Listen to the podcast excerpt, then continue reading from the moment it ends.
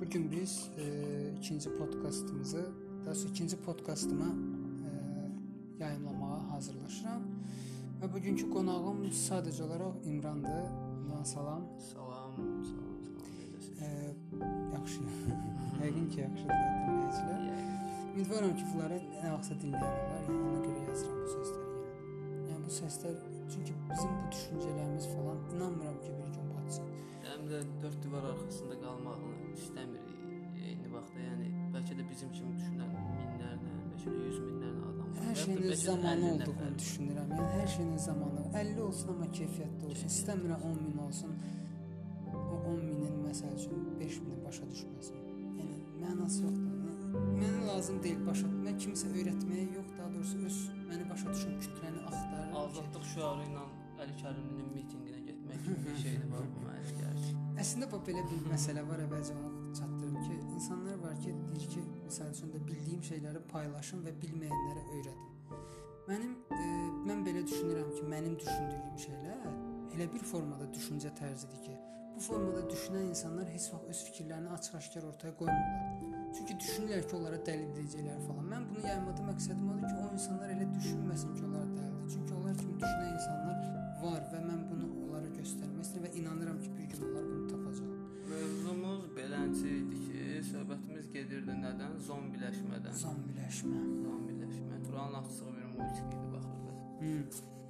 Zombiləşmə deyəndə ki, sualı mən verim, yoxsa sən mənə verirsən? Gəl sualı mən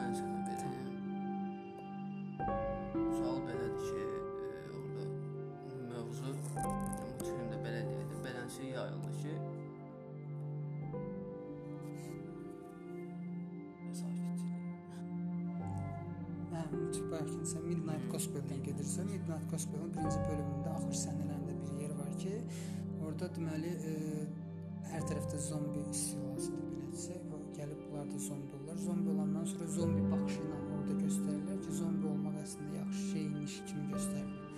Yəni Və onlar əslində- baxırlar ki, zombiləşmə əslində pis bir şey deyil. Onu da zombi olandan sonra dərk edirlər.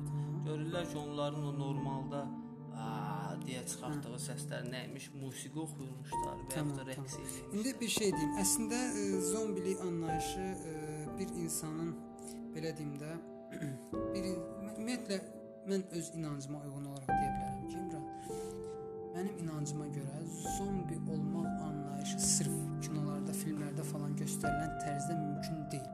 Çünki insan beyni ola bilər ki, hər hansısa bir qüvvə idarə eləsin müəyyən müddətdə, müəyyən müddətdə. Amma ki, onu daimi olaraq, qalıcı olaraq onu idarə eləməsi və yaxud da belə şeylər deyil. Mənə elə gəlir ki, kinolarda əks etdirilən e, bu zombiləşmədir, vampirlərdir falandır filandır. Bu kimi, bu və bu kimi olaylar mənə gəlir.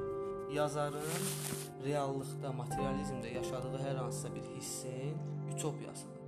Sadəcə onu elə bir utopik bir hala salıb düz zombiləşmə kimi və e, belə bir film ki, məsələn belədir. Məsələn, mən belə mövzulara məcaz kimi baxıram. Məcaz Yəni, bilirsən, yəni. məcaz kimi baxıram O nəyə görə? Çünki çox sadə bir şey deyim, e, insan beyni sözün əsl mənasında, məsəl üçün beyin düzdür, bu beyində iki yerə bölünür.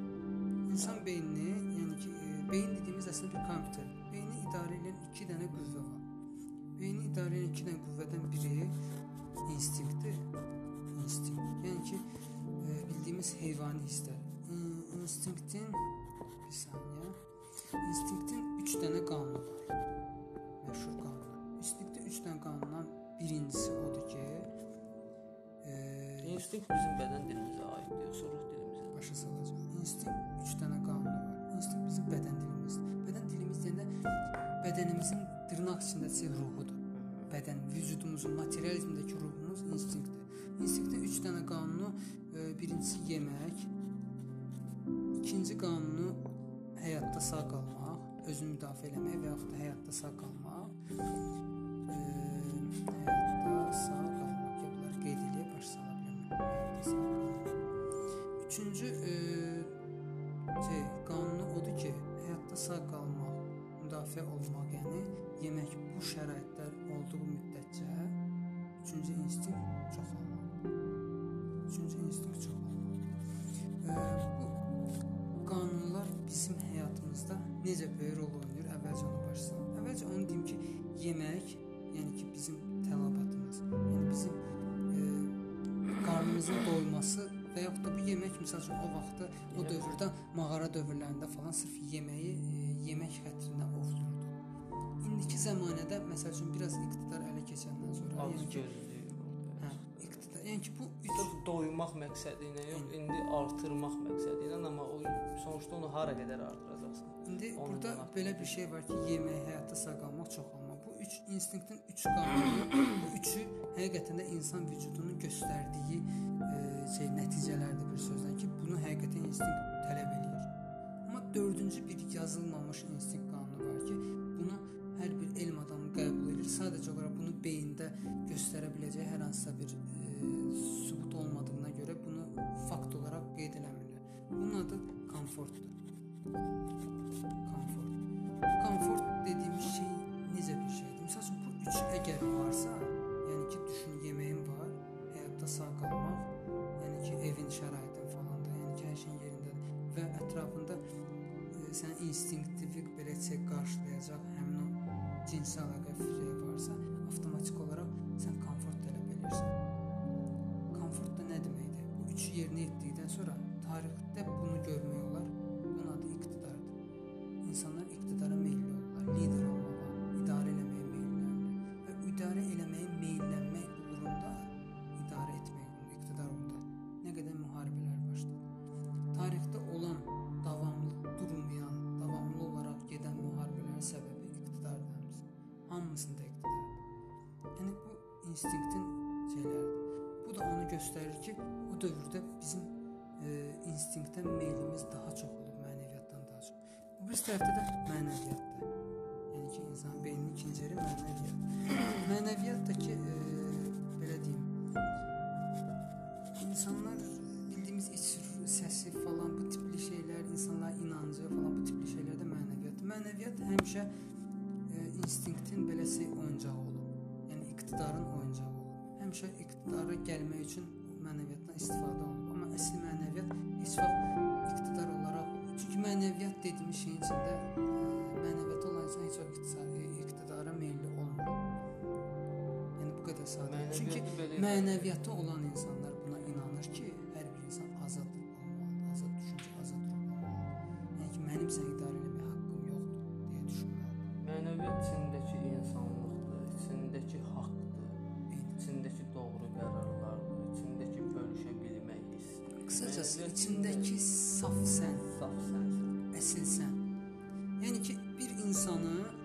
idarə eləyə bilər ancaq ya instinkt ya da mənəviyyat. Sırf mənəviyyat səni idarə eləsə, sənə bu həyatda yaşamaq həqiqətən çətin. Dar olacaq. Çox Həyat sənə dar olacaq söz. Ən azından ətrafında gərək 5 nəfər sənin kimi düşünən və yaxud da sənin kimi hərəkət edən insan olmalıdır ki, Bir-birinizə dayaq olasınız. eynən biraz asanlaşsın. Məsələn, bu şey bəzi e, biz qəribə gülməli falan baxsaq da, məsəl üçün Hindistanda dərvişlər, dilənçilər falan belə şeylər var ki, oturur orada mənəviyyatdan sırf söhbət gedir. İnsanlar işləmir, heç bir şey eləmir. Sırf otururlar, ibadət edirlər, mənliklərini qoruyurlar falan bu tipli şeylər. İstəmirlər samsara deyirlər. Məsələn, bizim sistem dediyimiz şeyə hinduizmdə samsara deyirlər, buddizmdə falan samsara. Yəni ki, döngüdə dönən daimi e, sistemdir. Sistem, sistem çarxı bir sözlə. Onlar samsaraya məsəl üçün yox deyirlər və samsaradan çıxıb özlərini verirlər Buddizmə verirlər. Eynən. Yəni bu tipli şeylər var. Ona görə biraz çətin olur. Yəni ki, çünki insanın instinkti instinktivə qarşı gəlmək deməkdir. Amma mənəviyyatı kənara qoyub sırf instinktlə yaşayanda, əslində insan ə, materializmə önəm verən insanlar arasında sən çox hörmətli olursan. Başa düşdün? Yəni ki, sən konkret bildiyin yeməyi düşünürsən, ancaq iqtidar düşünürsən, avtomatik olaraq sənin beyin kapasitən, çünki insan beyni elədir ki, onu nəyə yönəltsən formada işləyir. Ona işləyir. Məsəl üçün mənəviyyata yönəli olan beyin, mənəviyyata yönəli olan beyin zamanla dopamin azalır. Bu faktdır. Nəyə görə dopamini azaldır? Çünki mənəviyyat onu görür ki, sənin elədiyin şey, hə, buyur. dopamin nədir?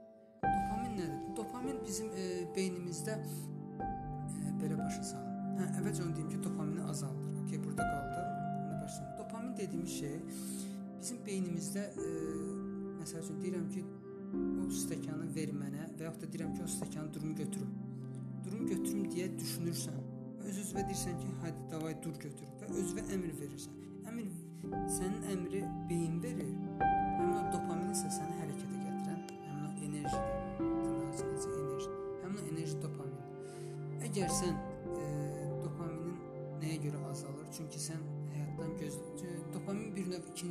desə özünü mükafatlandırmadır. Məsəl üçün sənin gözləntin var bir şeydən. Həmin gözlənti qarşılanmırsa sən dopamini itirmə, itirmə hissini yaşayırsan. Yox, əgər sənin gözləntin qarşılanırsa, xırda bir şeyə bir dənə televizorda bir sual-cavab yarışmasıdır. Sualın cavabını bilmirsən, sadəcə olaraq bir dənə cavab verirsən. Əgər o cavab çıxırsa, ki, ətrafdakılar səndə o belə eləyirsə, avtomatik səndə bir dənə bir qəribə bir hiss. Həmin o hiss xoşbəxtlik hissini də yaradan dopamin. Əslində o xoşbəxtlik deyil, əslində özünü mükafatlandırma hissidir. Bu xoşbəxtlik hissindən çox səhv salınır əslində, çox vaxt. Çünki xoşbəxtlik hissi dediyimiz serotonindir və onun təsirləri tamam başqadır. Məsələn, belə bir dənə mövzu da var, sözü kəsirəm. Məsələn, dopamin deyə bilər ki, başqa nələrdə necə istifadə olunur? Məsələn, psixologiyada da var bu. E, maraqlı olanları dinləyən olsa əgər girib psixologiyanı maraqlana bilər.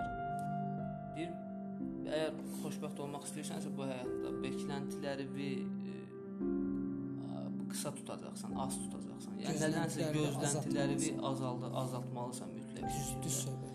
Yəni sən fikirləşirsən ki, məsələn mən gedəcəm, işləyəcəm, 500 manat pul qazanacam deyirsənsə, demirəm elə otur ağla qaramsallıq bağla. Amma ki onu 500 yox, məsələn 300 də ki, 300 deyə düşün ki, daha doğrusu. Ayın sonunda 500 manat pul gələndə və ya işinin axırında 500 manat pul götürəndə sən ondan daha çox xoşbəxt olasan. Yəni bu da gəlib nəyə çıxardır? Dopaminin səni xoşbəxt eləməyə. Tamam. Səndən çox-çox-çox razıyam. Amma burada dəyişən bir məsələ var. Çünki insanın beyni instinktə yoxsa mənəviyyata işləməsi məsələsi.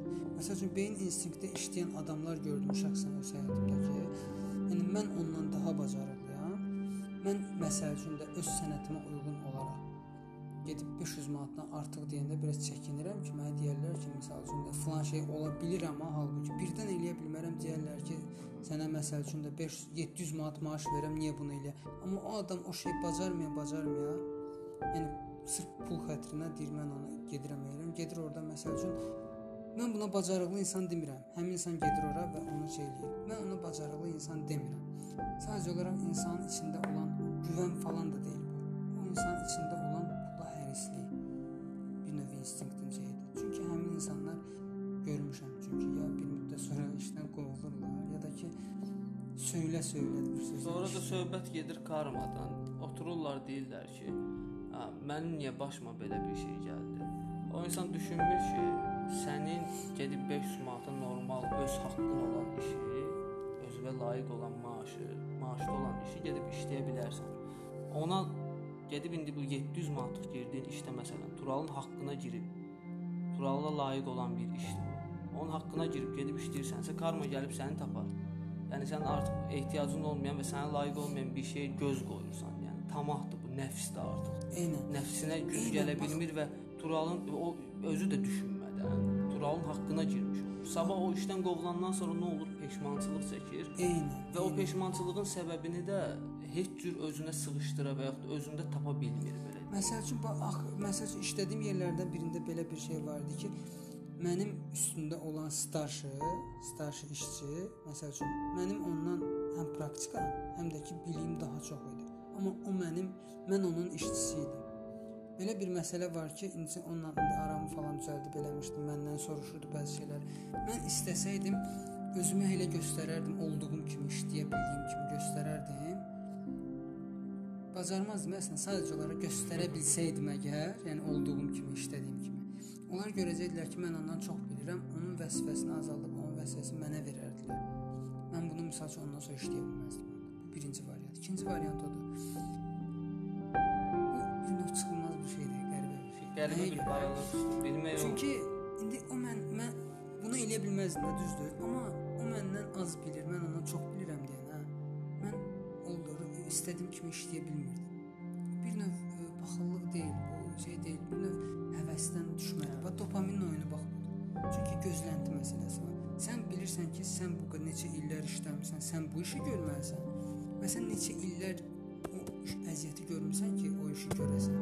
Və sən gəlmisən ki, o işi görəsən, sənə yenə də həmin əziyyətin davamını göstərir. Bir dənə bir şey vardı. İnsan daima ömrünün sonuna qədər bir şeyə vaxtını ayırsa da, sərf eləməsə, sərf eləsə də, yəni hər şeyi öyrənib dərindən bilə bilməz, hər şeyi qavraya bilməz. Düzdür? İnsan indi araşdırmacı ruhlu insanlar var və yaxud da sadəcə başını aşağı saldı, işini işlədi. Bax indi sənin dediyin misalda insana görə dəyişir. Sən araşdırmacı bir insan, özünü gəlişdirən bir insan olduğuna görə sabah sənin nəyə görə indi qulaq asan deyər ki, o nə deməkdir? Xeyr ola ki, sən ruhdan düşəsən, nə olsun ki, müdirə nə baxırsan falan. Amma belə bir şey var. Sənin starşın normalda Tural araşdırmacı bir insan olduğuna görə. Turalın starşısı Tural işə gedəndə bir-iki şey özündən bildiyi şeyləri eləyəndə bir-iki şeydə götürmək həvəsi var onun içində. Nəyisə oğurlamaq, nəyisə yenilik qatmaq həvəsi var. səndən. Onun starşısı gəlib ondan normal bacardığı şablon şeyləri soruşursa, orada zaten bir fıs olur, bir, bir qırılma olur. Mənim indiyənə kimi nə qədər tələbim olub, yəni üçenikim olub bir sözlə. İndiyənə kimi hamısı hərəsi bu dəqiqə bəlkə də məndən çox maaş aldığı yerlərdə, elə yerlərdə işləyir, məndən bəlkə də çox maaş alır. Burada məsələ bilirsən nədir? Məsəl üçün mən işlədiyim yerlərdən birində bir nəfər var idi ki, tələbə idi, üçenik idi bir sözlə. Amma ki o adamın elə həvəsi var idi ki, elə həvəsi var idi ki, mən o insanı özümlə bərabər tuturam. Çox da ki praktikası falan azdır, amma həvəsi var idi və götürmə qabiliyyəti Potensial. Həvəs potensial. götürmə qabiliyyəti deyə bir məsələ yoxdur. Boş söhbət O ki, filan kəs yaxşı götürür. O məsələ O deyil. var. Məsələ burada bilsən nədir? Götürmə qabiliyyəti deyə bir şey yenə deyirəm, yoxdur.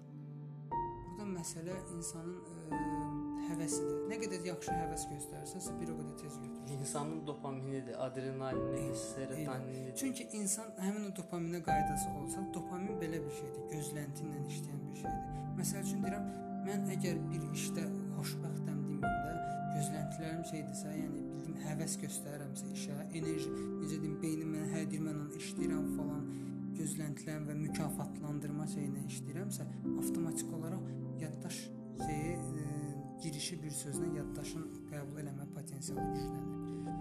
Məsəl üçün mən həmin o dediyim o üçenik əslində orada şef olmalı, amma üçenik oldum. Həmin yerdə məsəl üçün oran menüsünü mən bir ay ərzində əzbərləyə bilmədim. Nəyə görə əzbərləyəm? Normalda gün əzbərləmişəm. Kuxnaya mən məsəl üçün öz açıq bir şeyimi tərəfləmək kimi olmasın. İlk aşpaz kimi işlədiyim gün var aşpaz dedim üçenik kimi də. Kuxnaya girdim. Bir nazır qanmırdım da kartof soymaqdan. Və kartof nədir ki, hamı bilir. Sırf bildiyiniz salat, zakaz, bu nədir, o nədir, o bilmirdim. Birinci gün üzə zakaz verirdim. Mən deyirlər bu kimdir, təzə gəldi başqaz. Deyirlər bu çenikdir. Dedi ki, əvvəl ardışdı deyirəm heç yerdə. Dedilər məzənərsən necə yəni bilirsən axsan. Belə elə deyim bilmək bu bir istək. göstərdi, bildim. Qayıt dedi axı indi göstərdirəm, o da göstərdi bir dəfə. Gərək 10 dəfə göstərdin mən mənə. Deyirsən halaldır, tez götürürsənsə. Dedim götürmə deyil, bu deyirəm ki, sadəcə həvəsim var aşağısı. İstəyir. Sən E, bu Yəni bizim səsimizdə dopamin də belə bir məsələdir ki, dopamində mövzudan yaymayaq. Dopamin belə bir şeydir ki, əgər sən həmin şey gözlənti etməyə, özünü mükafatlandırma qaydasıdır. Özünü mükafatlandırırsan və bu formada şey edirsən və bir çox e, s- şirkətlər falan, satış şirkətləri falan bu formada şey edirlər. Yəni ki, səni həvəsləndirmə falan əslində bu məsələ. motivasiya nədir bəs? Motivasiya sənin içindəki o dopamin, serotonin, oynamaqdır. adrenalini qaldırmaq. İndi çox Mən maraqlı bir şey var ki, bir dənə bunu da çatdırım, çox-çox üzr istəyirəm. E, dopaminin e, azalmağı, dopaminin azalmağı insanda məsəl üçün əllərin titrəmə, yəni ki, şeyin pozulması orientasiya, orientasiyanın pozulması deyirlər buna. Orientasiyanı pozur insan bədənində. Çünki sən hərəkət elətdirən bir şeydir və azdır və avtomatik olaraq əl əsir. Bu normal bir şeydir. Yəni set tutmayanda televizorda ekranın glitch göstərməsi kimi bir şeydir. Əl əsir. Ondan sonra fokuslana bilmirsən. Bir mövzuda haqqında da, davamlı olaraq 3 saniyədən artıq fokuslana bilmirsən, fikrin yayılır. Nəyə görə? Çünki səni e, həminki söhbətdə setlər qarışır bir sözlə. Yaddaş məsəl üçün zəifləyir. Qalan yaddaşına normal forma. Də kompüter zvoy verir də bu qədər sadədir. Mikroskop yəni pozulma teması kimi. Dopamin azalmasında bu şeylər baş verir. Yəni düşün, fokuslana bilmirsən, çox yatırsan, yaddaşın zəifləyir. Ondan sonra belə-belə şeylərdir. Çox maraqlı bir şey var ki, dopaminin həddindən artıq çox olması, həddindən artıq çox olması insanda parano, anksiyete yaradır. Antisosiallıq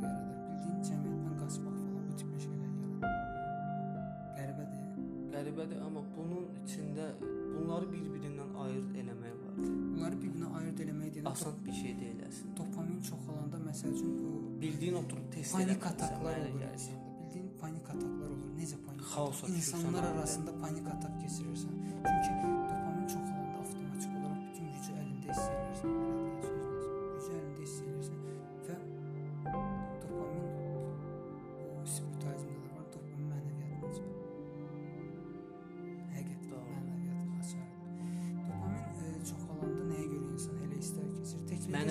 açardı demək bu o demək deyil ha. Yəni mənəviyyatını işə salır və sən sırf mənəviyyatla hərəkət Sadəcə edirsən. sənin sadəcə mənəviyyatın sənin nə qədərdirsə sən onu- mənəviyyatını oyadır, belə deyək. Starter kimi bir şey. Mənəviyyatın necə var elədir? Bilirəm. Sadəcə onu ona setib Motoru motoru xoda salır, yəni starter kimi bir şeydir. Motoru xoda saldı. Qalan hər şey sənin beynindən, tamamilə sənin fikirlərindən, düşüncəndən asılı olan bir şeydir ki, o mənəviyyatını necə idarə edəcəksən. Məsəl üçün serotonin var ki, serotonin. Serotoninin az olmağı insanı depressiyaya salır. Depressiyada olursan, çox ruhsuz, halsız, heç bir şey eləmək istəmirsən. Bir də dopaminə çox oxşur serotonin. Çox maraqlı bir şey var ki, serotoninin çox olması, serotoninin çox olması. O da həmçinin insanda panik atak yaradır. Asosiallıq yaradır, panik atak yaradır. yox, amma panik atak yaradır. Asosiallıq yaratmaması dopamindən fərqləndirir zaten. Panik atak yaradır və Xaos yaradır. hə, biraz elə bir ki, necə deyim, bildiyim o bu hissə var, o sinənin o kəpənəklər uçuşur dediyimiz hiss var. Onun pis forması var ki, sırf insanlarla ürək tutur falan. O serotoninin- serotonin normaldan artıq artmaz. artması. Yəni ki, hal-hazırda oturmuşuq, söhbət edirik falan. Mövzuna da gəlmişkən bura deyim ki, hal-hazırda mən serotonin partlaması yaşayıram. Yəni danışıqlarımız da buna görə keçir. Sonda sonda deməzdim bu mövzunun ortalarında məsləhət görərdim əgər insanların qulaq asanların və yaxud da qulaq asanların ətrafında kimsə varsa, məncə bunu yaymaq lazımdır. Məncə bunu e, bu dopamin, bu serotonin, bu adrenalin, bu bu kimi insani xüsusiyyətləri, insani beyni beynə aid olan şeyləri yaymaq lazım nəyə görə? İnsanların məsəl üçün sən aşbazsan, düzdür? Ümumiyyətlə aşbaz power deyilsən də. Sən gəlirsən 3 nəfərin içində deyirsən ki, mən power olmaq istəyirəm. E, Biri sənə deyir ki, "Ə, yox, o sənin işdir." Və yaxud da sənin ailən. Deyirsən ki, mən power olmaq istəyirəm. Baxırlar sənə deyirlər, "O sənin işdir." O bəlkə də o sözdə hardasa bir kəraməti var, bəlkə də yoxdur və orada bir kəramətin olub olmadığını hardan bilmək olar? Əgər sən özünü tanıyırsansa, özü idarə edə bilirsənsə, mənəviyyatından, dopaminindən, serotonindən, bədəninə, insani xüsusiyyətlərinin hər şeyindən əgər xəbərdarsansa, mən elə gəlir ki, sən onda özünü və ətrafında gedən hər şeyi tamamilə başa düşüb və idarə edə bilərsən. Əslində bir mövzuda sənin fikrinə razı deyiləm. Bir cəhətdə. Nəyə görə? Məsəl üçün sən deyirsən ki, insanlara gərək yaymaq lazımdır. Mən buna razı deyiləm yaymaq lazımdır məsələsi. Çünki insanlara bunu yaymaqla mənim fikrimcə heç bir şey dəyişmir. İnsanlar zaten bunu özləri anlamalıdır. Yəni mən belə düşünürəm. Çünki Murphy qanunu deyə bir şey var ki, olacaq varsa olacaq. Yəni bir insan həqiqətən onu anlayacaqsa, zaten anlayacaq. Bu insan içində potensial varsa olacaq. Bu bir, ikincisi də sən deyirsən də gəlib ev, evdəkilərə deyirəm ki, birisi var. 3 nəfərə deyirəm ki, mən məsəl üçün aşpaz olacağam. Biri qayıt deyir ki, səndən aşpaz olmaz. Biri deyir, "Ə, belə elə bir də deyir, hə, olar, olar." Və sən oturub tərə Birincisi, ən birinci burada səhv odur ki, sən gedib kiməsə fərqi yoxdur kimlikdən sonra. Gedib kiməsə deyirsən ki, mən aşpaz olacağam. Birinci səhv burdadır. Onu demək yox. Əgər istəyirsənsə həqiqətən Reallaşdırma. Ola bilər ha, tərəddüd edirsən ki, birdən məndə alınmaz. Əgər bu tərəddüdü cavabını görmək istəyirsənsə, fakt ortada olandan heç vaxt gərək nəticə çıxartmayasan. Çünki o onun nəticəsidir. Gərək Sənin nəticən nə olacaq? yoxlayasan sonra. Sən nə nəticə çıxardacaqsan, bunu heç kim Bəli. bilə bilməz. Yəni bu bir. Onun üçün deyilir zaman hər şeydən İkincisi, ona görə gərək heç kimə heç nə deməyəsən, özünü yoxlayasan. Yəni özünü yoxlayıb görəsən, bu Fikirlərlə okey. yox, praktika ilə özünü sübut eləyəsən ki, hə mən doğrudan da bacarmadım və yaxud da hə bu mənim həqiqətən də istədiyim öz İkincisi, tamam, demək istəyirsən problem yoxdur. Çünki insanın içində belə bir şey yoxdur və əslində dopaminin bir növ yaxşı cəhətidir ki, insan paylaşmağa başlayır, paylaşmağı Xoşbəxt olur. Paylaşdıqca xoşbəxt olur. Sən ola bilər ki, məsəl üçün də mən podkastım var, məsəl üçün oturan fikrim var ki, podkast verim, yazılar falan, yazı da yazıram hətta kitab şəklində falan. Üzümə deyirəm ki, davay bunu paylaş. Mən onu paylaşanda onu kimsə yanımda oxuyursa, o ona yaxşı və yaxud da pis deyəcək, super deyəcək, blət, bu nədir gizlilər desə belə, yəni mənim üçün heç bir şey dəyişmir. O mənə yaxşı desə mən orada böbürlənməyəcəm. O mənə pis desə üzülməyəcəm. Mən yenə öz fikrimdə qalacağam. Sadəcə mənə orada önəmli olan, mən məsəl üçün də öz yazılarımı sənə oxuyanda mənim orada səndən gözləntim yoxdur. Nə məndə gözləntim. Sənin rəyini gözləmirəm ki, dəyər verməyi gözləmirəm ki, buna yaxşı pis deyəsən. Sadəcə sənin reaksiyanı canlı olaraq görürəm. Yəni görürəm, sadəcə mənə maraqlıdır ki, bu sənə nə yaşatdı Nə fikirləşdirdin, nə düşündürdü səni? və ən əsası nə öyrətdi, nə başa düşdü. Məsələ. İndi bizim bu mövzuya aid mən deyərdim, deyirsən, məsələn, bölüşməkdə məncə bir şey yoxdur. İnsanlar bunu özü görməlidir, özü yaşamalıdır, hiss eləməlidir. Çox da uzun bir müddət deyil əslində. Bəlkə də uzundur, bir neçə il bundan qabaq, bir iki il bundan qabaq Qaraqanın Şeytanın Kitabı adlı əsərini oxumuşam. Deməli, oxumayanlar oxusun, Hı, həqiqətən oxumaq istəyənlər də həqiqətən də yəni əgər oxuyacaqsınızsa səsə bir, bir neçə dəqiqə qulaq asın, verin irəli çünki burada çox heç bir şey olmaz. Onsuz da e, spoiler veriləcək bir kitab Spoiler- tərzində də deyil. Yəni onu oxumaq, hiss eləmək lazımdır həqiqətən çünki orada elə bir nüanslar var ki, deməli mövzu orada nədən gedir? Dindən gedir mövzu. Dini e, gizlətməkdən gedir mövzu. Nəysə. Belədir ki, bir qrup şəxs, bir qrup qruplaşma, belə deyək, bir neçə insan topluluğundan yaranan qruplaşma Şeytanın kitabı adlı bir kitabı qoruyur, onu yazıblar və onu qoruyurlar. Bunlar bir növ insan, e, yəni bundan xəbərdar olan insanların, oradakı baş roldakı insanların gözündə şey qara qüvvə kimi bir şey olur ki, niyə də o kitabda nə yazılıb və nəyə görə bu kitabı qoruyurlar falan. Nəysə sonda belə bir şey çıxır ortaya ki, sonuncu peyğəmbərin gələcəyindən söhbət gedirdi. Sonuncu peyğəmbər nə deyir? Mən deyir ateizmi, bu kitabla ateizmi yayıram. Allahın olmadığını yayıram. İnsanlara bunu inandırıram və insanların yer kürəsinin bütün günahlarını öz üstümə alıram. Bir əgər insan bir şeydən xəbərsiz olsa, bilinçsiz bir şəkildə hərəkət eləsə, bilmədiyi bir şey olsa, həqiqətən də heç yerdə axtarıb tapmadığı bir şey olsa, bu günah və yaxud da yanlış və yaxud da doğru, doğru hardasa sayılar, amma günah yanlış sayılmaz. Ancaq yox, göz görə-görə ortada din də olsa, ateizm də olsa, Allahsızlıq da olsa, yəni o seçim arasında qalmaq bir insanları günaha aparır. Və orada onun məqsədi nəyə görə? Deyərdiniz ki, dini yayardı da. Din çünki o qədər e, insan indiki zəmanədə insanların bu cəmiyyətin içində belə qəlizləşib ki, onlara qəliz gəlir ki, Hı. necə olur? ya, Mən gündə 5 dəfə namaz qılacağam. Nə? Həccə gedəcəm. Nə? İçki içməyəcəm, nə bilim, onu eləməyəcəm, bunu eləməyəcəm.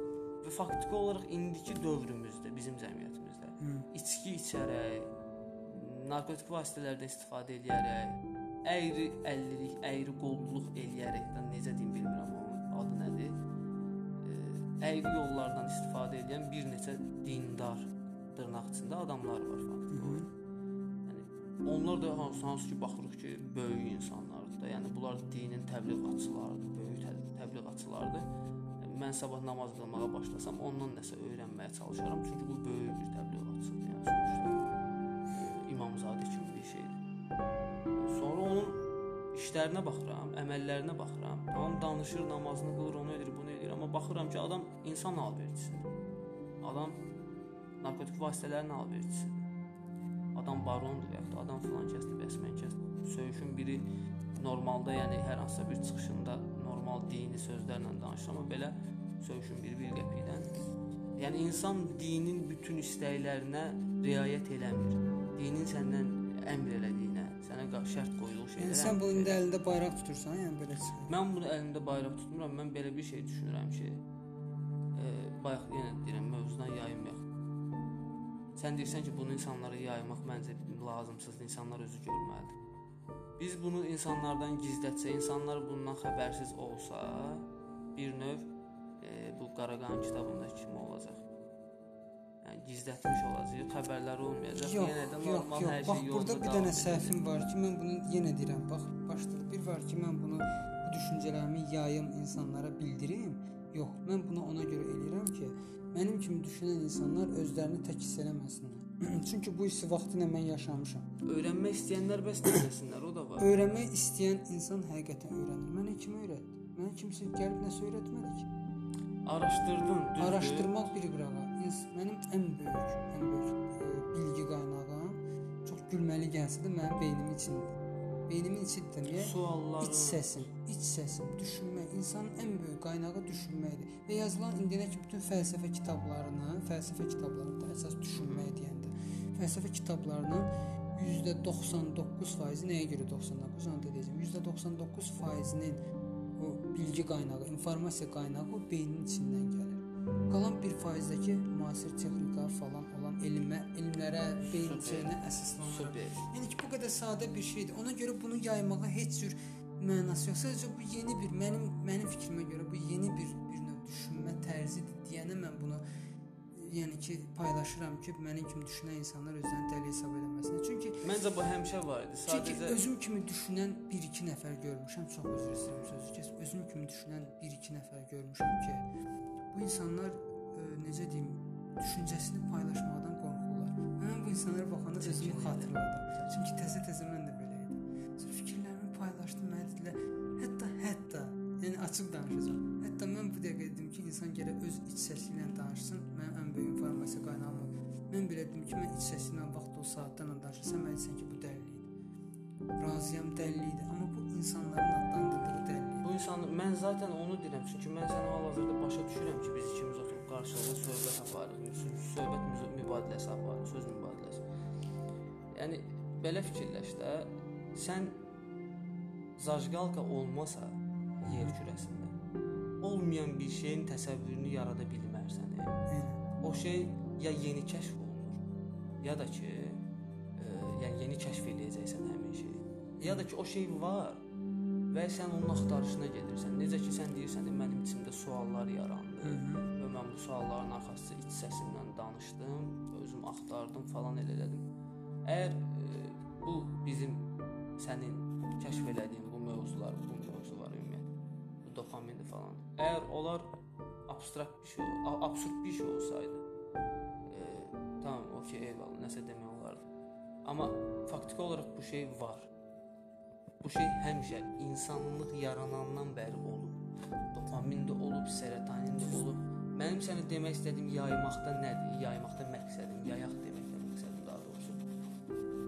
Öyrənmək, bilmək istəyən insan təbii ki, bizim bu dəqiqə söhbət elədiyimiz, bizim ümumiyyətlə bu mövzularda söhbət elədiyimiz sözlər, əsas ana xəttlər gərək bir 20 dənə kitab oxusun. Gərək bir günlərlə, aylarla, necə ki sən aylarla, günlərlə, bəlkə də illə bu material toplamısan.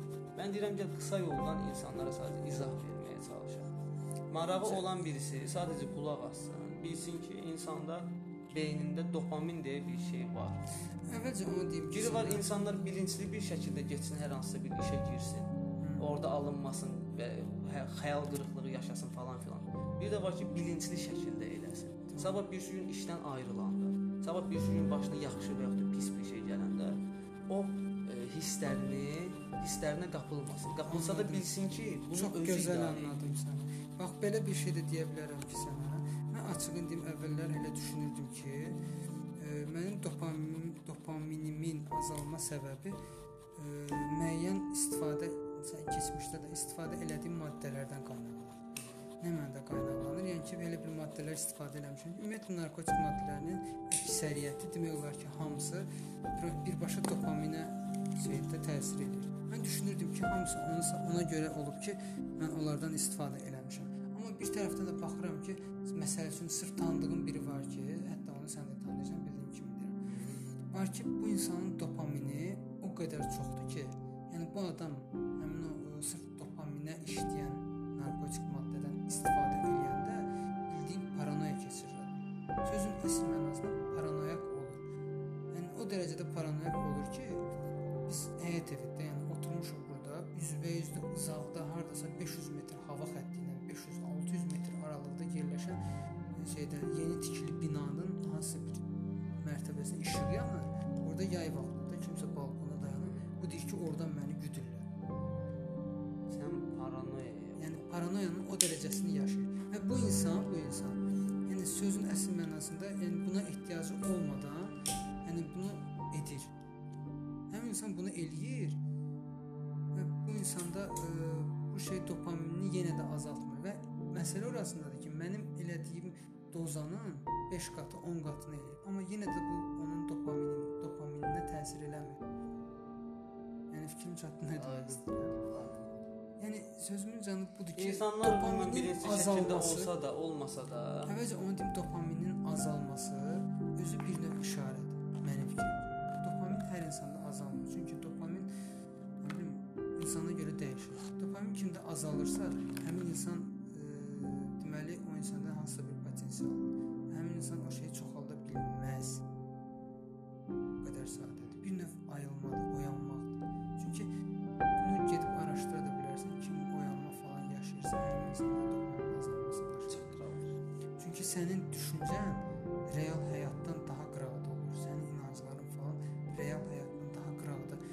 var ki, sən inanasan ki, mən bu işi bacaracağam falan. Bir var da ki, sənin inancın materializmə aid deyil. Sənin inancın üzə içində olan bir şeyə aiddir ki, həmin şey ətrafa təsir eləmir deyəndə sənin üzə dopamin avtomatik olaraq zəifləyir.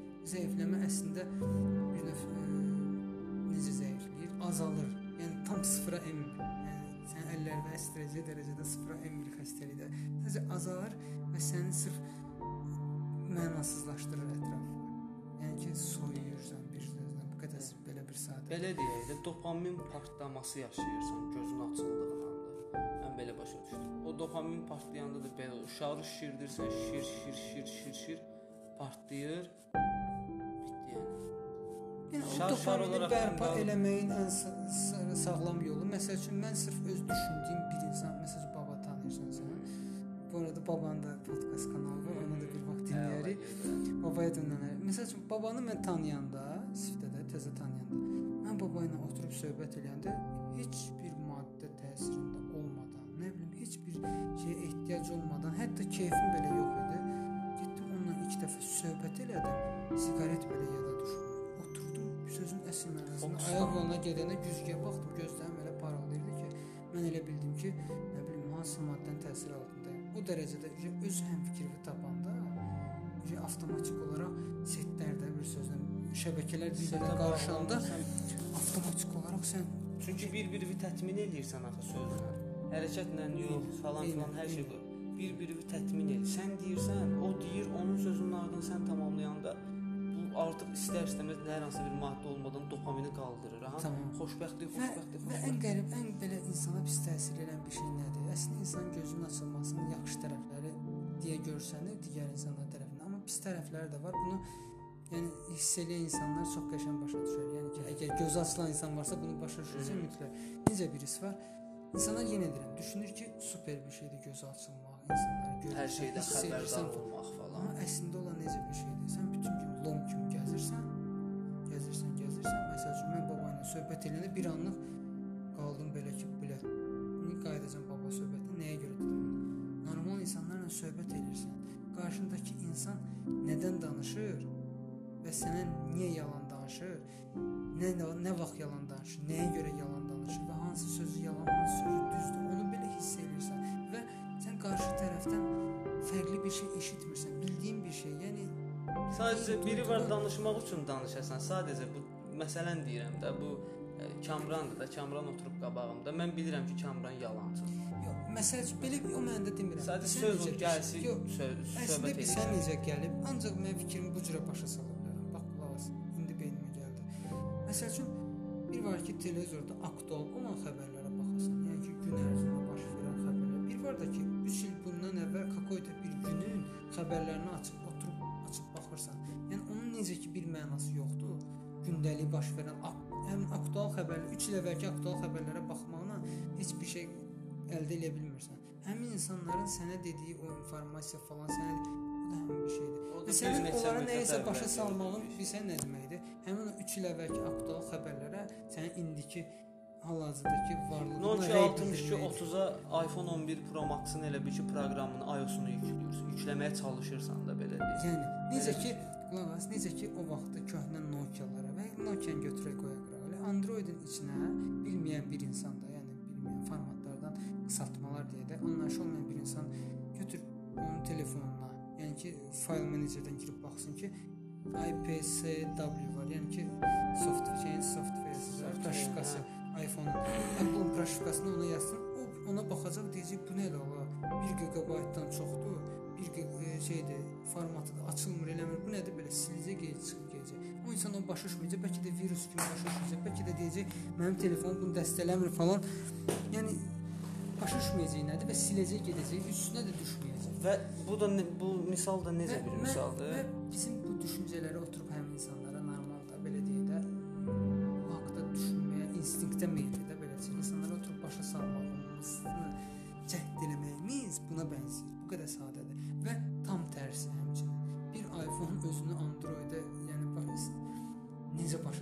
iOS 10 özünə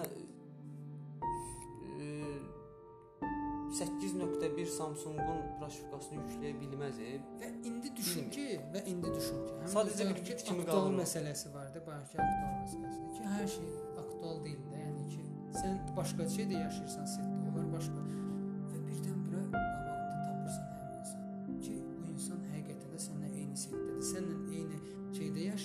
hətta bəzi anlarda düşünürsən ki, bu məndən 2 gün qabaqda yaşayır. Başa? Belə birini tapanda avtomatik olaraq sən üzə deyirsən ki, hə bu odur. Başa düşdün? Oturub söhbət eləməkdə zövq alırsan. Onun adi sən də indi məsəl üçün deyirəm də sən digər standart insanlar kimi məsəl üçün yanında oturub da başqa biri, o da ki indi dediyim o məndən mənlə eyni setdə olan biri. Sən mənə desən ki, bu stəkan ağdır, hətta bu psixologiyadır. Sən mənə deyəndə ki, bu şey ağdır, mən nə qədər düz desən də, amma bir dənə fakt burada dəyişmir ki, sən onun ağ olduğunu dərk eləmədən deyirsən. Sadəcə görüb deyirsən. Amma o mənə deyəndə ağdır. Mən avtomatik olaraq Bilirsən ki, o mən dərk yox. eləyib. O dərk edib deyir və ondan əlavə o mənə ağ deyəndə bunu mən başa salar ki, bu stəkan. Amma sən onu başa sala bilmirsən. Burada məsələ bilsən nədir? Üzdən və dərindən asan bir ifadəni çətinləşdirib demək ağıllı olmaq deyil. İntellektual olmaq deyil. Yəni. Deyir ki, çətin bir şeyi asanlaşdırıb ifadə eləmək intellektual olmaqdır. Yəni burada məsələ budur. Bir şeyi öz aləmində çətinləşdirib şey eləməklə deyil, çətin bir şeyi asanlaşdırıb demək lazımdır. İnsanlar ifadə eləməyi bacarmırlar. Yəni sözümün burada canı odur ki, dopamin dediyimiz şey, yəni qarşılıqlıdır və bir tərəfdən insan içində baş verən bir şeydir. Qarşılıqlı olmalıdır. Məsəl üçün öz həyat ə, hərəvi deməyim də belə deyim. Ruh həkizi tapmaq nəyə deyilir? Ruh həkizi tapmaq Öz ona setində deyilir bir ki, şey tapmaq. öz setində belə. Məsəl üçün mən öz nişanımın yanında olanda, yanında olanda, mən heç bir insana ehtiyacım yoxdur. Açıq aşkar deyirəm, gizlətmə, heç bir insana ehtiyacım yoxdur. Onunla bir yerdə oturub saatlarla heç bir söz demədən sadəcə oturmaq belə bəs eləyir. Çünki bunun burada e, elmdən kənar olan bir metafizik bir şey var, deyilir. Əslində metafizik də deyil, bunun açıqlamasını təzəlicə verirlər. Metafizikadan qıran kvantuma aid bir şey. İnsanlarda aura deyə bir şey var. Yəni aura da əslində növ dopamin. İnsan dopamini əgər çox olanda avtomatik aurasını rahat formada ifadə edir. Hətta mən bilsən bir ara nə fikirləşirdim. Aura dediyimiz şey bilsən nə? Fikir vermisən, e, bəlkə də bir neçə dəfə yoxlamısan. Yoxlamayanlara da məsləhət yoxlasın. Evdə ara sıra mamanı məsəl üçün boynundan və yaxud da qolundan iynəmisən, heç ümumiyyətlə harasındansa. İylirsən, xüsusi bir qoxu gəlir. Hmm. Və mən sənin dediyin o auranı bir müddət bir ara bilsən necə fikirləşirdim. Bu dopaminin insan bədənində insanın ifraz elədiyi qoxudur. Onu o qoxu sənə elə hiss etdirir. Aura kimi gəlir başa düşdün. məsələsi deyil. Qoxu sənə bəlkə də onu hiss elətdirir. Qoxu deyil əslində. Qoxu deyil. Bu bilsən necə bir şeydir? Bax fikir vermisən alma. İynirsən alma, kəsirsən iyi gəlir, düzdür alma daha kəskin gəlir. Heyva, heyva, çiyəli hər bir şeyin qoxusu var. Qoxu əslində bir növ özünə görə düzdür. Aura sayıla bilər. aura yaradır. Amma aura dediyimiz şey orijinal olaraq bilsən necə bir şeydir? Qulaq as. Məsəl üçün deyirəm ki, bu gün bax burada oturmuşdu neçə nəfər, düzdür? İçəri girəndə məsəl üçün əla bir dənə aura hiss elədim. Nəyə görə? Çünki hamı deyirdi, bir şey hiss elədim ona. Ona görə girdim, tanımırdım daha çox. Dedim, güldüm falan. Elə bir ki, neçə vaxt Yenə də o həmin qoxu ola bilməzsən. Yo yo qoxu dediyim şey ona da istəsən gələrəm deyərəm orada. Qoxu deyilən şey başqa bir şeydir. Aura dediyim şey bilsən necə bir şeydir ki, sən belə başa salım. O eşitmisən bəlkə telefonu falan. Çəmbəri alır. Zaretkaya qoyanda sakitçilikdə səs gəlir. Transformatordan. Yayılır. Yayla yayla. Yəni ki, burada şey gedirsə qıraqda da yayılır da başa düşdün. Nəyə görə şunurda tok gedirsə sən əli onu toxunduran kiməsinə vurmur tok. yanında tutanda da vurur. Burada olanda da elə bir ki, hardasa cüz həmin məsələdir bu. Aura dilə insan bədəni enerjidir zaten. Ürəyi döndürən şey nədir? Enerji. Motoru fırladan bir şey olmalıdır. O şey enerjidir. İnsan beyində o beyində xırda-xırda düşünüb bir qərar verəndə bu neyronlar o birisinə toklar gedir bölündə. Həmin o xırda toklar var. Toklar birləşir sən bədəndə olan tokla, bir evi işıqlandırmaq olar, bəlkə də daha çox. Əslində o qədər tok olur insan bədəndə bilmək istəyirsənsə. Ona görə insanın tok Bir lampanı yandırmaq. Ona görə insan tok vuranda tutulur. Çünki insan özünə tok. Amma tok olmayan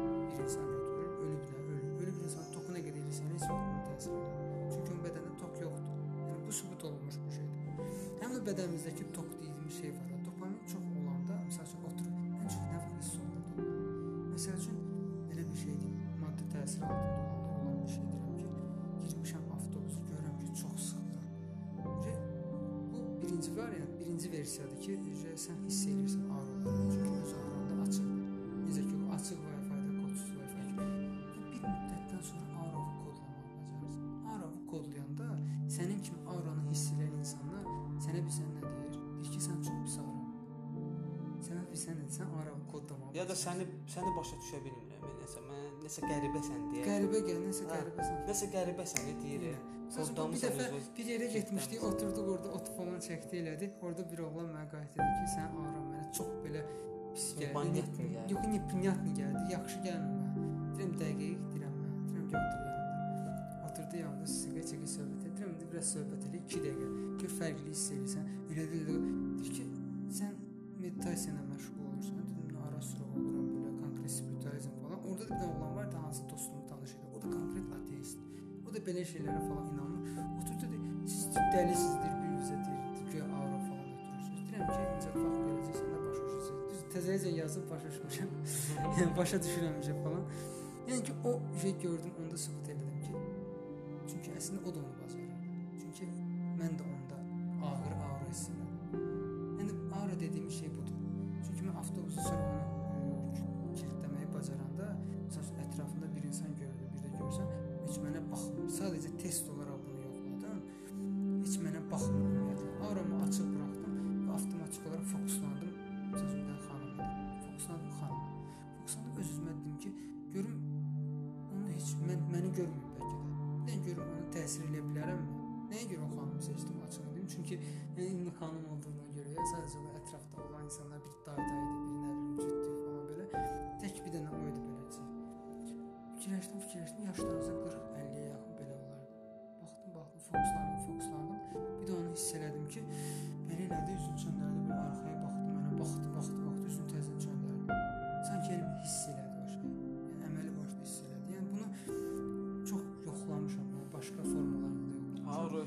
dərəyindəki virusun üçün eynən, bir şeydir. Yəni mən də elə düşünürəm.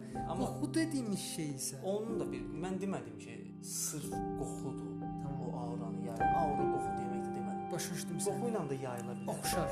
Okay, indi sən bir şey başsan. Qoxu dediyimiz şey elmin elmlə şey nisbət hamısının qarşılığında deyəcəm sənə. Ümumi başa düşdüyüm formada. Qoxu dediyimiz şey elə bir şeydir ki, o bir növ molekuldur. Elə bir molekuldur. Bu molekullar normalda məsəl üçün qoxu molekulları da gəlir dərimizə də dəyir. Başa düşürsən? Dərimizə, hər yerimizə dəyir. Sadəcə onu bir dənə dəstəkləyib belə başsan. Video proqramı ancaq necə ki video göstərir, şəkil kimi mahnı göstərmir. Yəni ki, bu molekulları dəstəkləyən yeganə orqan burun. Zaten. Məsələn, səs var, səsin özü də molekullardır. Məsəl üçün zərrəciklə, atom zərrəcik, xırda zərrəciklə dalğa şəklində olur. O zərrəcikləri də dəstəkləyən məsəl üçün qulaqdır. Düzdür, elə güclü səs frekansı var ki, məsəl üçün fiziki olaraq da təsir edir. Bası qarnımızda hiss edilir. Yəni belə-belə şeylər var. Yəni bu qədər Məncə qoxunun da təsiri böyükdür. Məsəl üçün, Auraya aiddir. Elek enerji var,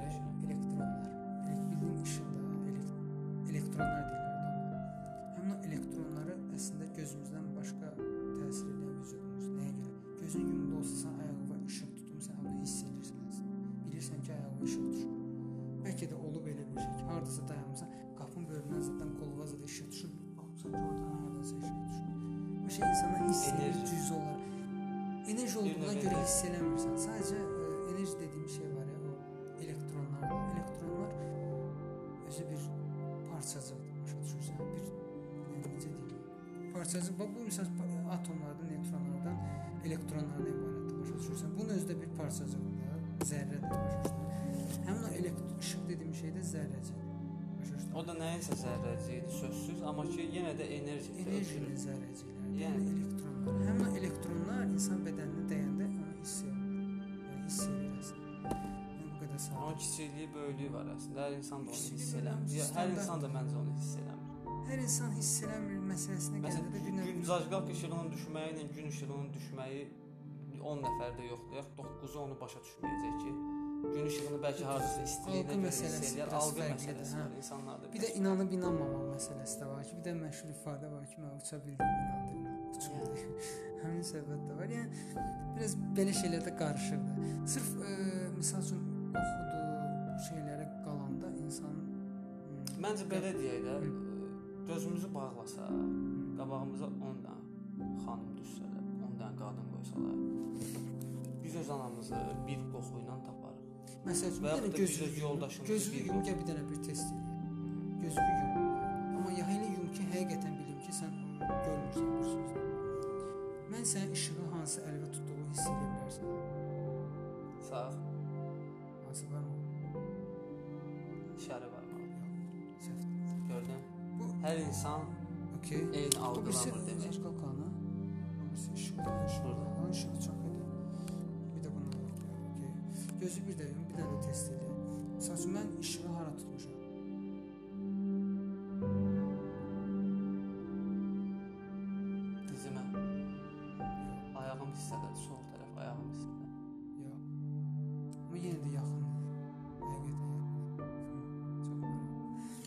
Də gələn dəfə bilinçsiz halda, yəni ki, bilmədiyim bir halda yoxlaya bilərdik. Anidən yoxlamaq. Aniden. Çünki bu insanın gözləntiləri bir növ insana oynaya bilər.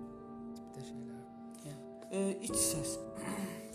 iç səs, iç səs. səs. Mən deyərdim bunu gələn dəfəki podkastda saxlayaq. Gələn dəfə əgər e, Olacaq, olacaq. Çox gözəl olacaq. Peki gələn dəfə bir sürpriz qonağımız da oldu. Əgər bəyəndisə, izləmədə unutmayın.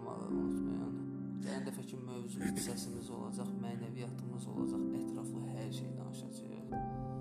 Suallar olacaq bol-bol. Və mən söz verirəm ki, bu podkast kanalında elə insanlar olacaq ki, yəni sırf bu müsahibəni dinləmək üçün, o insanları dinləmək üçün. Yəni vaxt gələcək ki, siz elə sayba indi bir nəfər var ki, məsəl üçün götürəm də, elə insanlar olacaq ki, bunu hal-hazırda bu səsimi dinləyəndə həmin o şəxslərə görə məsəl üçün podkastda gəlib o birislər də dinləyəcək həmçinin bu səsdə. Yəni onu demək istəyirəm ki, hələ bundan artıq daha fərqli insanlar olacaq. Onu demək istəyirəm. Elə insanlar olacaq Fərqli mövzular, fərqli. həqiqətən o insanlar. fikirləri sizə maraqlı olacaq. Hı. Belə. Görüşərik.